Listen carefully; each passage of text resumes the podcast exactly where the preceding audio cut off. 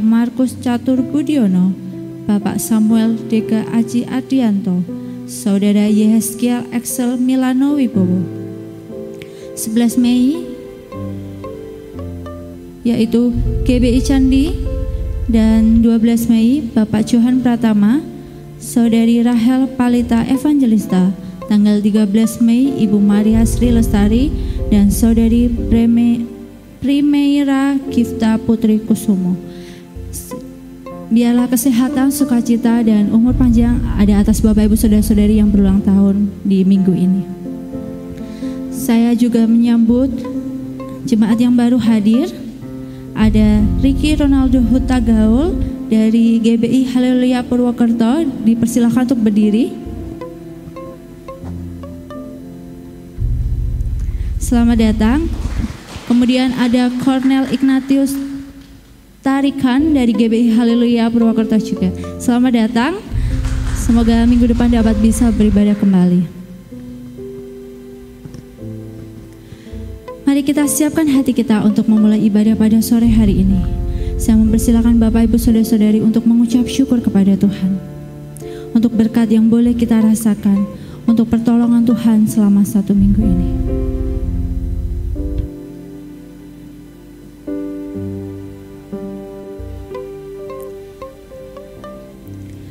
Kolose 3 ayat 16 Hendaklah perkataan Kristus diam dengan segala kekayaannya di antara kamu Sehingga kamu dengan segala hikmat mengajar dan meneguh seseorang akan yang lain dan sambil menyanyikan mazmur dan puji-pujian dan nyanyian rohani kamu mengucap syukur kepada Allah di dalam hatimu. Kekuatan yang daripada Tuhan yang sangat menguatkan kita, menolong kita dan menopang kehidupan kita, pikiran dan perbuatan kita, kita serahkan hanya kepada Tuhan. Kita mau nyanyikan bejanamu.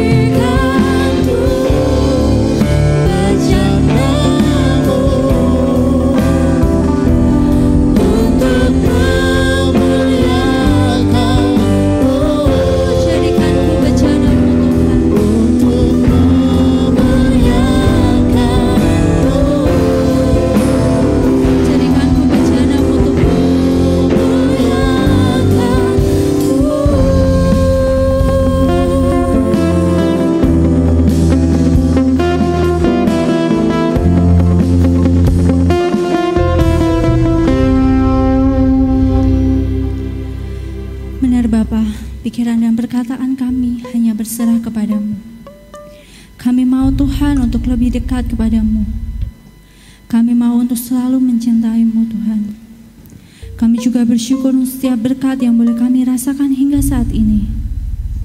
Dan saat ini Tuhan, kami mau beribadah.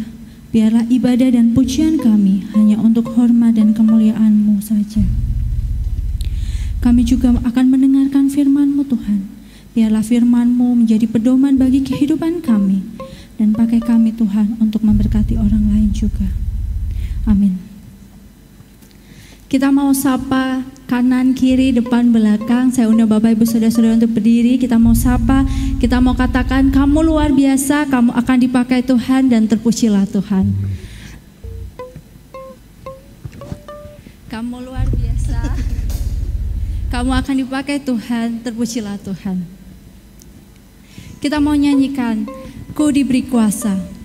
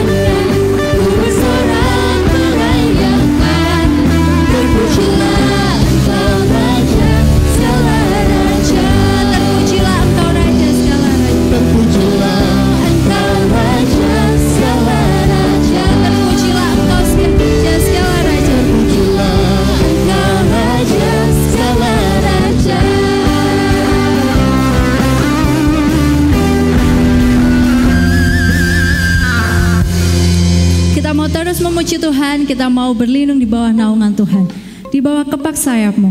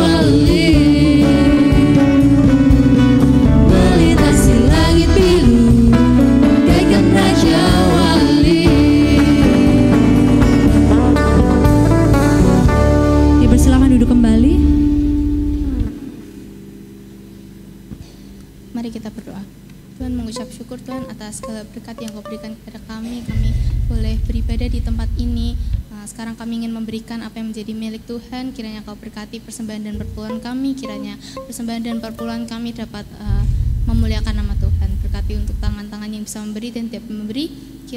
selalu berkati mereka. Terima kasih Tuhan Yesus. Di dalam nama Tuhan Yesus kami telah berdoa. Haleluya. Amin. Amin. Kita akan memberikan persembahan dan persepuluhan kita. Untuk kantong yang berwarna merah ada persembahan dan persepuluhan. Untuk kantong yang berwarna biru adalah persembahan khusus untuk gedung. Kita akan pujikan betapa hatiku.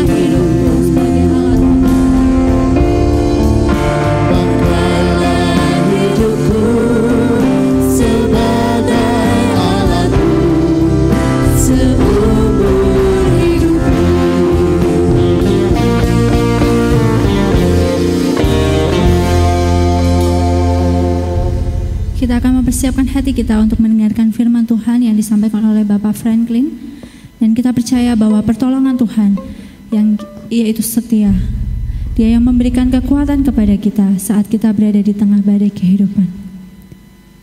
Segala perkara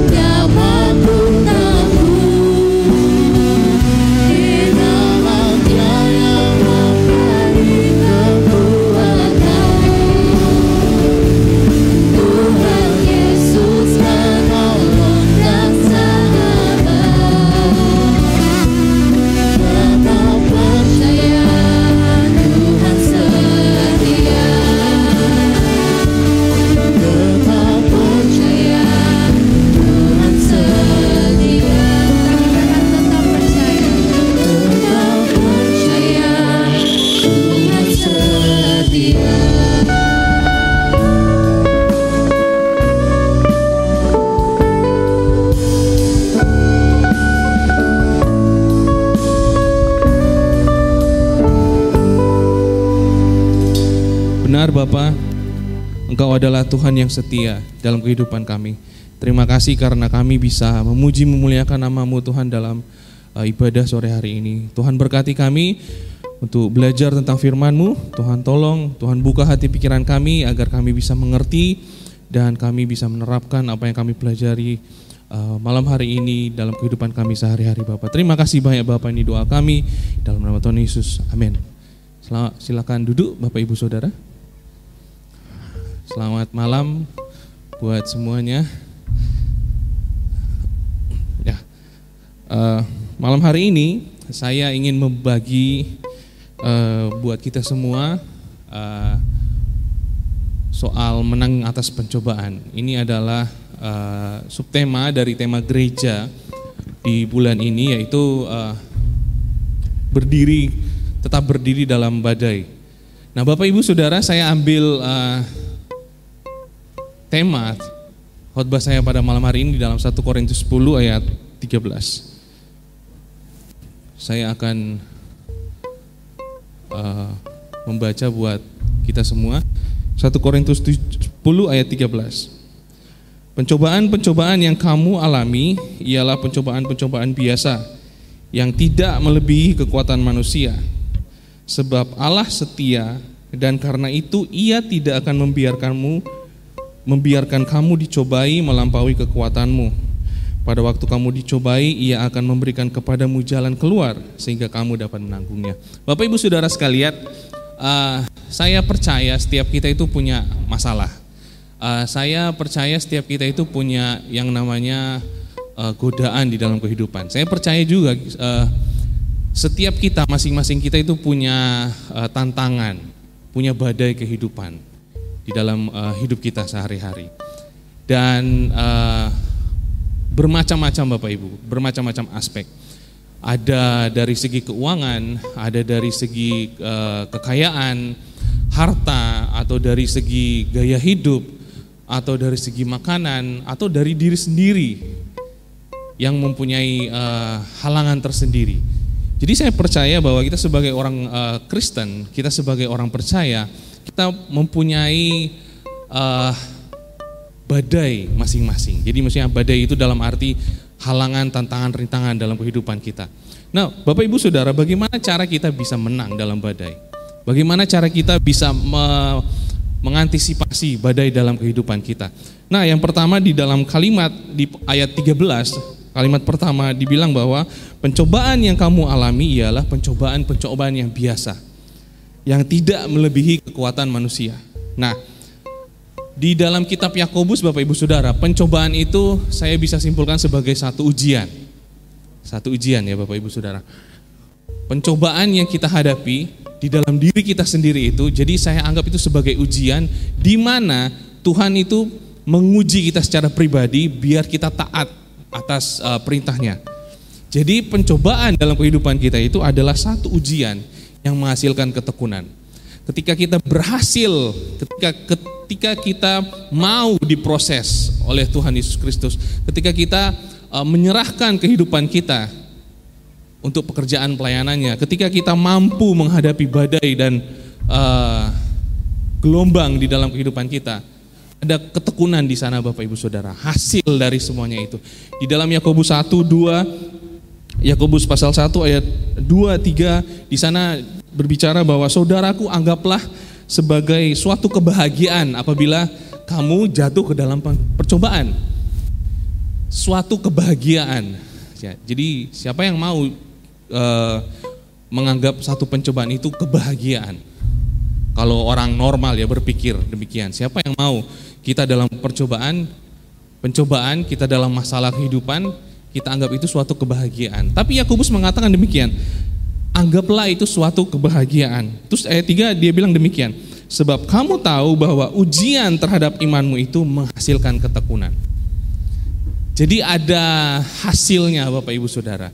Ada hasil di mana ketika kita mampu melewati ujian tersebut, ada hasil ketika di mana kita mampu menghadapi ujian tersebut, Tuhan memberikan ketekunan dalam kehidupan kita. Tekun taat lebih taat kepada Tuhan. Kemudian uh, di Yakobus 1 ayat 14 juga uh, mengatakan bahwa uh, tiap-tiap orang dicobai oleh keinginannya sendiri karena ia diseret dan dipikat olehnya. Jadi pemicunya adalah diri sendiri.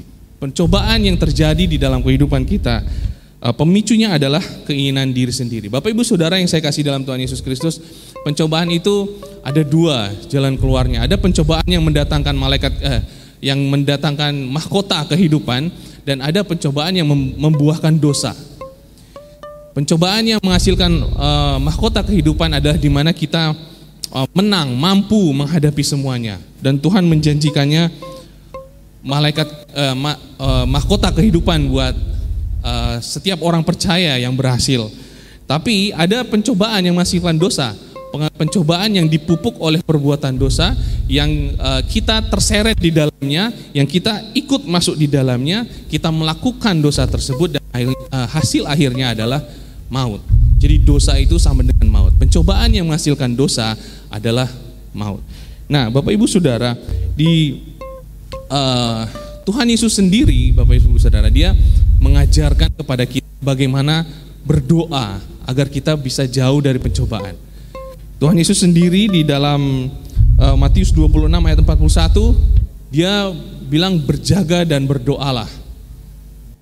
Roh itu penurut tapi daging itu lemah. Jadi selama dalam pencobaan kita berjaga-jaga, kita berdoalah. Bahkan di dalam Matius 6 ayat 13, nah kita tahu Matius 6 ayat 13 itu adalah uh, doa ya Bapak Ibu Saudara. Jangan bawa kami ke dalam pencobaan, tapi jauhkanlah kami yang jahat daripada yang jahat. Nah, itu adalah doa yang diajarkan oleh Tuhan Yesus. Doa yang diajarkan buat orang percaya agar supaya kita bisa jauh dari pencobaan. Berdoa Bapak Ibu, ada hubungan yang dekat dengan Tuhan, ada relasi yang kuat dengan Tuhan. Agar kita bisa jauh dari pencobaan. Pencobaan yang kita alami bukan pencobaan yang luar biasa Bapak Ibu. Di sini dibilang pencobaan-pencobaan yang biasa. Tetapi kadang orang menyerah. Tetapi kadang kita sebagai orang percaya uh, tidak mau menghadapi pencobaan tersebut. Kebanyakan kita mundur, uh, angkat tangan, give up, I surrender, bukan I surrender Lord, tapi I surrender. Saya menyerah, saya angkat tangan. Banyak terjadi Bapak Ibu Saudara di dalam lingkungan kita, bahkan mungkin di dalam kehidupan kita sehari-hari. Hal-hal kecil, hal yang sangat simpel yang kadang menggoyangkan iman kita kepada Tuhan. Tapi kadang ya kita cuma menganggap seperti biasa, tidak terjadi apa-apa. Bahkan kita tidak menyadarinya. Nah Bapak Ibu Saudara, Tuhan Yesus uh, mengajarkan kepada umatnya agar terus berpengharapan kepada Tuhan, agar terus menjalin hubungan kepada Tuhan, agar terus uh, membentuk satu relasi yang erat dengan Tuhan. Nah Bapak Ibu Saudara, di satu waktu ada seorang nenek, ada seorang nenek, dia punya cucu uh, masuk rumah sakit di dalam rumah sakit mengalami uh, penyakit yang cukup berat, Bapak Ibu Saudara. Nah, seorang nenek ini cuman bermodal cincin perkawinan yang masih melekat di jarinya.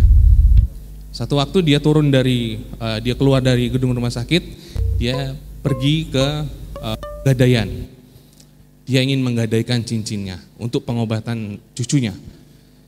Nah, ketika di jalan ada kejadian yang luar biasa Bapak Ibu. Ada mobil uh, mobil mobil besi dari uh, bank lewat dengan kecepatan tinggi lewat tikungan, tidak sengaja pintunya terbuka. Tidak sengaja pintu mobilnya terbuka dan menjatuhkan satu tas ransel besar yang isinya uang. Nah, Bapak Ibu Saudara, kalau si nenek ini pergi ke pegadaian menggadaikan cincinnya, mungkin ya paling paling banyak mungkin satu juta, dua juta buat digadaikan. Tapi isi di dalam uang itu adalah 10 kali nilainya. Berisi sekitaran 100 juta, 100-200 juta. Apa yang terjadi Bapak Ibu? Ada dilema, ada ada pencobaan yang dihadapi nenek itu. Jadi ketika uangnya ada di depan dia, satu jam dia tidak lakukan apa-apa. Dia cuma berdoa. Dia cuma berdoa. Ada dua jalan Bapak Ibu Saudara. Dia ambil, bawa pulang, bayar uh, pengobatan anaknya, dan tidak mengakui bahwa uang itu dia dapat di mana, atau dia kembalikan uang tersebut kepada pemiliknya. Jadi yang saya maksud adalah ketika kita tidak mau jujur Contoh ilustrasi tersebut ketika si nenek tidak mau jujur dia melakukan dosa karena dia menggunakan uang yang bu bukan miliknya sendiri. Tapi yang dia lakukan apa Bapak Ibu setelah satu jam merenung? Dia mengembalikan uang tersebut. Dia bawa ke kantor polisi terdekat, dia cerita kronologinya. Dan yang terjadi apa Bapak Ibu? Si Bang itu mengapresiasi tindakan uh, nenek tersebut. Nah itu adalah berkat Bapak Ibu Saudara. Ada berkat tersendiri buat orang yang menang dalam pencobaan. Buat orang yang bisa taat dalam pencobaan. Selama dia diuji, selama dia mau bergantung kepada Tuhan, ada mahkota kehidupan buatnya, ada berkat buatnya. Makanya kita sebagai orang percaya harus mempunyai uh, relasi yang kuat dengan Tuhan. Makanya sebagai kita kita sebagai orang percaya harus mempunyai hubungan yang dekat dengan Tuhan. Hubungan yang intim, hubungan yang dekat. Yang setiap hari kita anggap Tuhan itu sebagai saudara kita. Yang setiap hari kita anggap Tuhan itu sebagai orang tua kita, di mana kita meminta, di mana kita bersandar. Kemudian Bapak Ibu yang di kalimat kedua masih di ayat yang sama, di sana dibilang sebab Allah setia.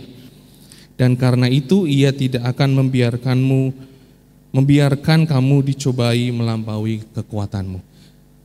Di sini di kalimat kedua dibilang ayah Allah setia.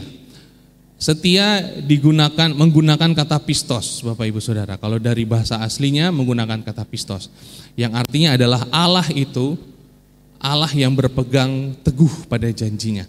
Nah, Bapak Ibu Saudara, ketika kita melihat uh, satu perikop ini, Bapak Ibu Saudara, jadi judulnya adalah sebenarnya Israel sebagai suatu peringatan. Jadi di mana Paulus menceritakan Israel kepada jemaat di Korintus tentang bagaimana Allah setia dalam uh, apa namanya menemani bangsanya pada waktu di perjanjian lama. Tentang bagaimana ketika Allah setia e, menemani bangsa Israel dalam setiap musim hidup mereka Bapak Ibu Saudara. Dari penjajahan, dari mereka ber, e, ber, berputar di padang gurun selama 40 hari, 40 tahun. Dari semua sikap yang bangsa Israel tunjukkan, Allah menunjukkan kesetiaannya. Jadi Paulus menekankan di jemaat Korintus bahwa Allah itu setia. Allah itu setia walaupun umatnya tidak setia, Bapak Ibu Saudara. Buktinya adalah ketika bangsa Israel, kita tahu bangsa Israel bangsa yang dipilih Tuhan. Bangsa yang dijadikan kudus oleh Tuhan. Bangsa yang diproses dengan sedemikian rupa agar bisa menjadi berkat buat bangsa lain. Dan apa yang diperbuat oleh bangsa Israel Bapak Ibu Saudara? Mereka jarang membalas kebaikan Tuhan. Kadang balik ke jalan yang benar, tapi habis itu melenceng lagi ke jalan yang salah. Makanya Allah ini setia walaupun umatnya tidak setia. Allah ini setia kepada bangsa Israel ada adalah Allah yang sama setia kepada eh, bangsa-bangsa uh, yang dilayani oleh Pak bangsa-bangsa yang dilayani oleh Paulus Bapak Ibu Saudara di dalam perjanjian baru. Allah yang setia di bagi umat Israel, yang setia juga di dalam perjanjian baru adalah Allah yang sama, yang setia, yang sekarang, yang kita sembah, yang kita muliakan. Jadi Bapak Ibu Saudara, kesetiaan Allah itu tidak ada taranya.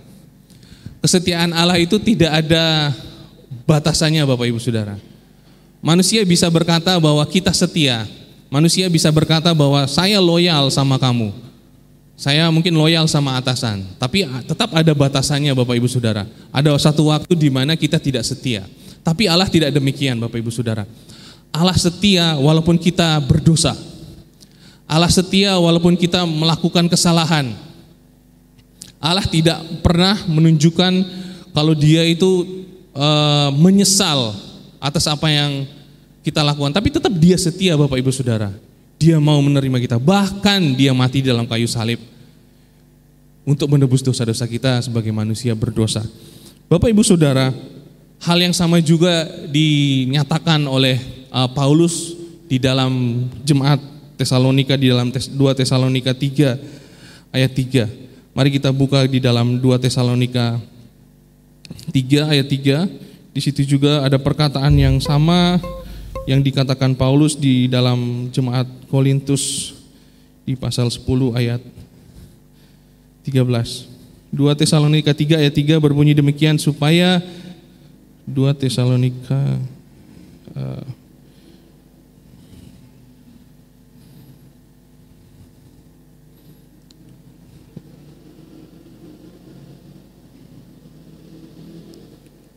maaf 2 Tesalonika 3 ayat 3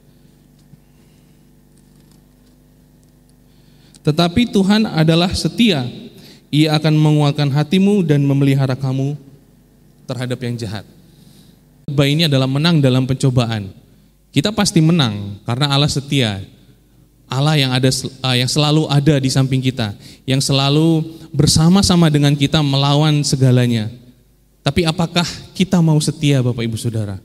Bagaimana kita bisa menang kalau kita tidak mau setia? Mana kita bisa uh, mengalahkan lewat dari kehidupan kita masing-masing ketika kita tidak mau setia dengan Tuhan. Ini adalah tantangan buat kita sebagai orang percaya. Dan yang terakhir Bapak Ibu Saudara, di uh, kalimat yang terakhir dibilang bahwa pada waktu kamu dicobai, ia akan memberikan kepadamu jalan keluar sehingga kamu dapat menanggungnya. Nah, yang terakhir adalah Allah itu memberikan solusi Bapak Ibu Saudara. Ada solusi, jalan keluar dari setiap permasalahan. Jadi tidak sebagai uh, kayak cek uh, motivator, cuman uh, berikan motivasi selesai. Tapi tidak, Allah memberikan semuanya, solusi. Bagaimana cara biar kita tetap bertahan dalam badai kehidupan kita. Bagaimana caranya biar kita tetap hidup berpengharapan kepadanya. Solusi yang kita butuhkan, solusi dari semua masalah, semua aspek tadi yang di pertama eh, yang slide pertama yang saya tunjukkan kepada Bapak Ibu Saudara, solusi terhadap bagaimana pencobaan di dalam uh, mungkin ada hubungan dengan kekayaan, ada hubungan dengan uang, ada hubungan dengan gaya hidup kita. Allah punya solusi buat itu semua Bapak Ibu Saudara. Sehingga kita bisa bisa melewati semuanya bersama Tuhan. Terus kemudian di dalam Matius 11 ayat 28 di sini adalah ayat yang ya, ya familiar ya Bapak Ibu top. Jadi marilah kepadaku. Nah, ayat tersebut mengajarkan bahwa Tuhan memberikan kelegaan. Allah memberikan kelegaan kepada orang yang datang kepadanya. Kelegaan akan masalah kehidupan, kelegaan akan uh, beban hidup saudara, kelegaan akan pencobaan yang saudara alami. Ini luar biasa Bapak Ibu Saudara. Karena kelegaan di dalam Tuhan Yesus itu adalah damai sejahtera yang luar biasa yang tidak akan kita dapatkan di tempat lain.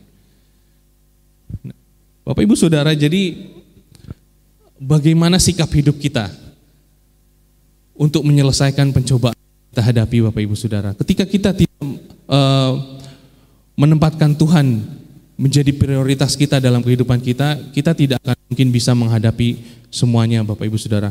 Ketika kita tidak melibatkan Tuhan di dalam kehidupan kita, ketika kita tidak membiarkan Tuhan uh, turut campur tangan ketika kita menghadapi badai hidup, kita tidak akan bisa melewatinya Bapak Ibu Saudara. Satu lagu Bapak Ibu Saudara kalau Bapak Bapak Ibu Saudara tahu, uh, lagunya adalah uh, seperti ini, Tuhan Yesus setia, dia sahabat kita. Walau dalam suka pun dia selalu menghiburku. Dia mengerti bahasa tetesan air mata waktu badai menerjang dan gelombang mener, menerpa. Tuhan Yesus setia. Ya, maafkan kalau salah lirik. Itu lagu lagu lagu lama Bapak Ibu Saudara. Saya dengar dari ketika orang tua saya masih senang menyanyikan lagu tersebut. Uh, lagu ini diciptakan atas pengalaman pribadi si penulis dengan Tuhan. Lagu ini muncul atas apa yang dialami secara pribadi di antara penulis dengan Tuhan. Jadi bukan sembarang dia nulis lagu Bapak Ibu Saudara, tidak. Lagu ini mencerminkan bagaimana hubungan si penulis dengan Tuhan. Lagu ini sangat mengenal bagi saya pribadi, lagu ini uh, selalu memberikan saya dorongan, selalu memberikan saya kekuatan. Ketika saya menghadapi pencobaan, ketika saya menghadapi halangan, rintangan dalam kehidupan, saya menyanyikan lagu ini Bapak Ibu Saudara. Karena apa? Karena Tuhan adalah setia. Tuhan yang betul-betul setia dalam kehidupan kita. Tuhan yang ada di samping kita. Tuhan mengerti tetes air mata kita ketika kita berada dalam kedukaan. Tuhan mengerti sukacita kita. Tuhan mengerti apa yang kita butuhkan, Bapak Ibu Saudara. Balik lagi bagaimana hubungan relasi kita dengan Tuhan. Balik lagi bagaimana kita menjalin semuanya dengan Tuhan. Bagaimana kita menaruh posisi Tuhan dalam kehidupan kita. Jika itu semua sudah dalam e, berada di dalam satu satu tatanan yang benar Bapak Ibu Saudara, walaupun kita berada dalam kondisi apa pun, saya kutip seperti Pak Pendeta bilang tadi pagi, walaupun kita berjalan ada ombak menerjang, ada badai menghantam, ada ranting, ada cabang di depan kita, kita tetap maju terus Bapak Ibu Saudara. Karena Tuhan yang menopang kita. Tuhan yang menjaga kita. Dalam badai kehidupan Bapak Ibu Saudara, Tuhan selalu setia. Walaupun sering kita tidak setia terhadapnya, walaupun sering kita uh, tidak mau mendengarkan apa yang dia bilang, walaupun sering kita tidak mau mendengarkan atau tidak mau melakukan apa yang dia perintahkan, tapi dia tetap setia buat kehidupan kita. Dia mampu untuk menolong kita melewati semua badai hidup kehidupan kita. Dia bisa, dia mempunyai otoritas dalam kehidupan kita. Kita harus percaya. Jalan keluarnya adalah kita harus percaya. Kita harus memberikan kehidupan kita. Walaupun ujian dari Tuhan, walaupun Tuhan mengizinkan kita dicobai, kita harus lewati itu semua Bapak Ibu Saudara. Kita harus tetap berpegang kepada Tuhan. Kita harus berpegang teguh kepadanya. Kita harus percaya akan Dia. Kita harus senantiasa berdoa dan berjaga. Kita juga harus yakin dan percaya bahwa Tuhan yang memberikan jalan keluar sehingga kita bisa menang dalam pencobaan. Jadi Bapak Ibu Saudara yang saya kasih dalam Tuhan Yesus Kristus, ini adalah tantangan buat kita sebagai orang percaya bagaimana kalau kita mau menang dalam pencobaan, kita harus tetap berpengharapan kepada Tuhan. Kita harus tetap menyerahkan kehidupan kita kepada Tuhan. Kita harus tetap teguh berpegang kepadanya. Kita harus tetap membangun relasi dengan berdoa dan menjaga relasi dengan baik dengan Tuhan. Agar supaya ketika kita menghadapi badai yang sama, ketika kita menghadapi uh, pencobaan yang sama, kita mampu, kita tahu, kita yakin, kita percaya bahwa Tuhan terus selalu berada dengan kita dan menolong kita dan senantiasa menjaga kita. Amin. Mari kita berdoa, Bapak Ibu Saudara. Bapak di dalam surga, terima kasih banyak Tuhan untuk firman-Mu.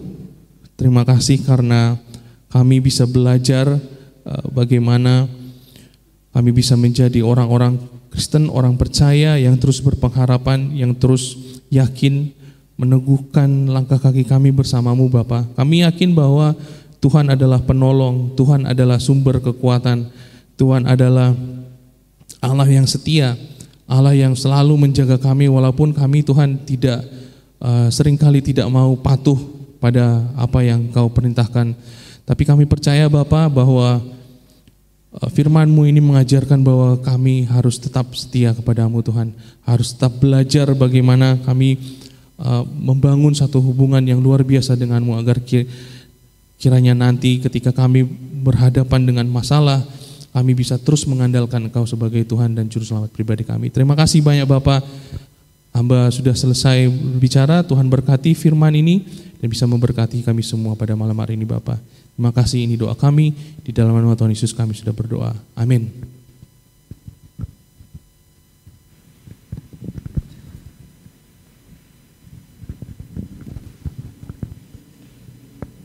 Terima kasih Bapak Franklin Repi sudah menyampaikan firman Tuhan untuk kita.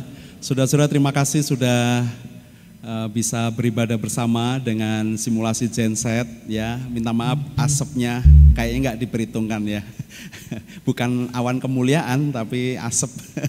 asap tapi biar ini menjadi evaluasi. Terima kasih bisa uh, bersama-sama uh, melayani Tuhan, beribadah bersama dan saya mengingatkan kalau saudara punya waktu, ada kesempatan uh, bisa datang di kebaktian HUT kita hari Kamis tanggal 11 jam 6 sore dan kita akan menabiskan tiga pendeta dari gereja cabang kita. Jadi silakan saudara hadir uh, merayakan ulang tahun gereja kita yang ke-60. Baik, saudara-saudara, uh, kita akan berdoa syafaat. Saya ingin sharing dulu uh, bahwa doa syafaat kita akan kita khususkan untuk uh, eksiden um, kekerasan uh, etnik dan mungkin ini juga agama karena uh, di Manipur kalau nanti saudara Google ya cari googling di uh, mencari tentang Manipur saudara akan mendapati ada kekerasan tanggal 5 kemarin hari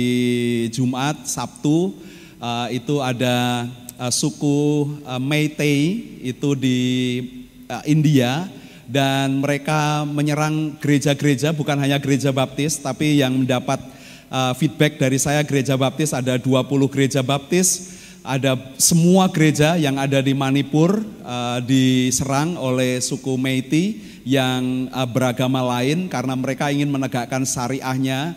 Uh, jadi saudara bisa lihat dan uh, bukan hanya kekerasan terhadap gedung tapi juga orang-orangnya. Ada wanita-wanita, perempuan-perempuan yang diperkosa dan difoto saudara, diekspos dan itu uh, sangat mengerikan di uh, negara bagian itu. Jadi mari kita akan bersama berdoa untuk saudara-saudara kita di Manipur di tengah kesulitan resesi ekonomi uh, tetapi juga banyak orang masih egois mementingkan diri dan golongannya. Mari kita akan berdiri bersama-sama, kita akan berdoa syafaat untuk Manipur.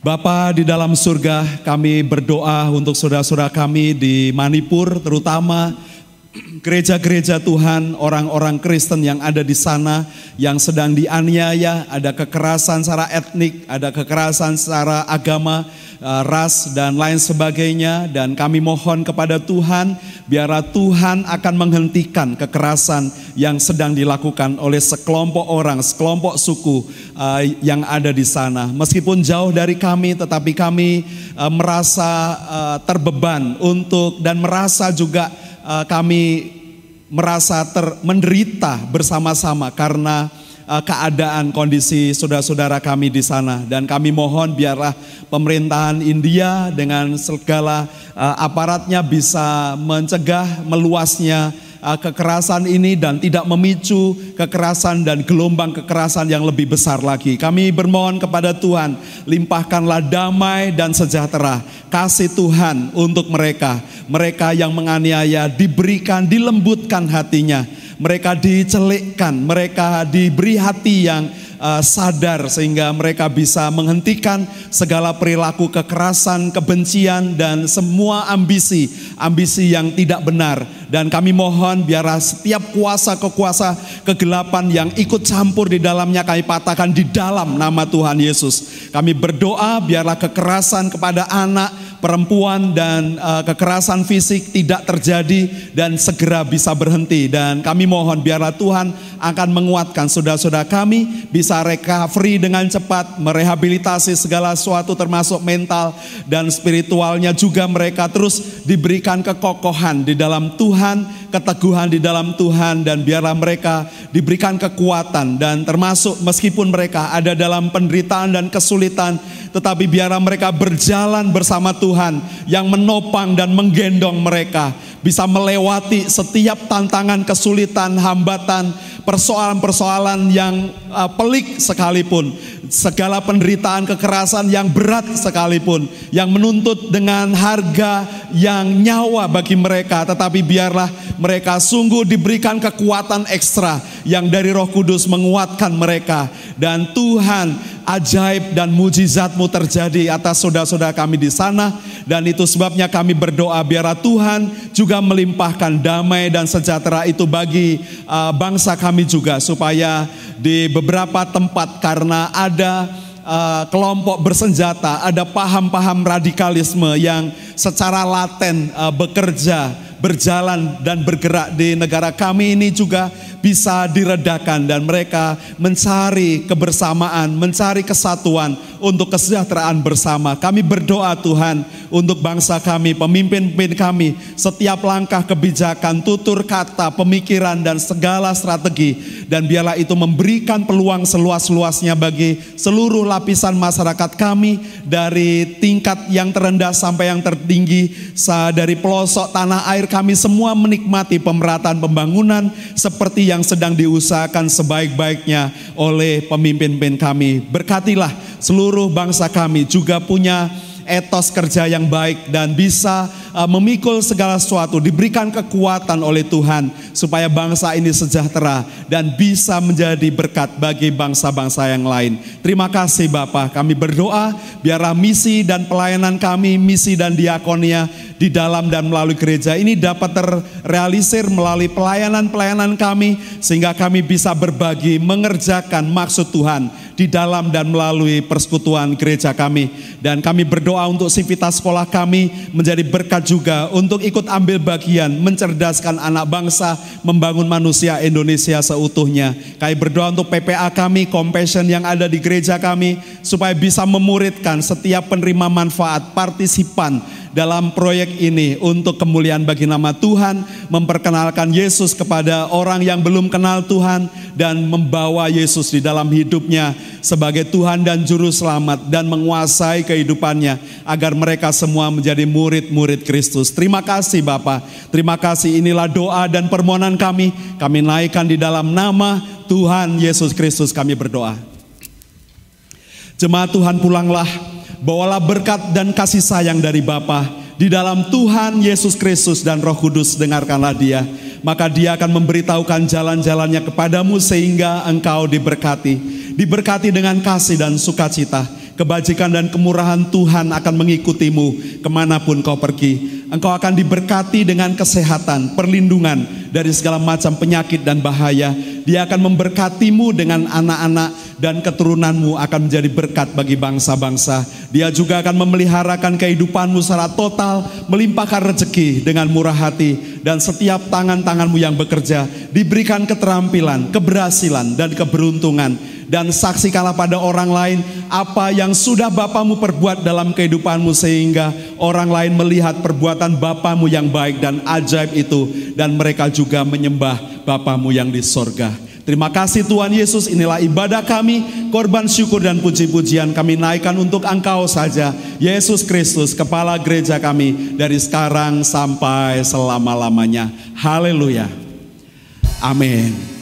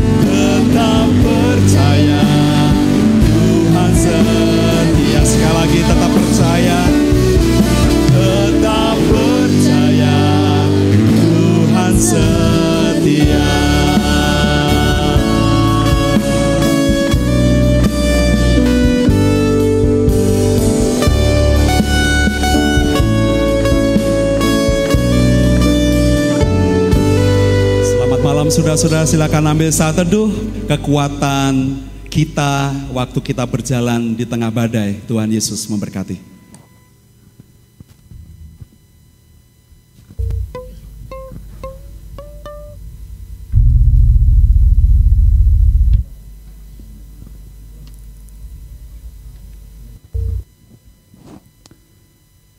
Amin. Selamat malam, selamat hari Minggu. Tuhan Yesus memberkati.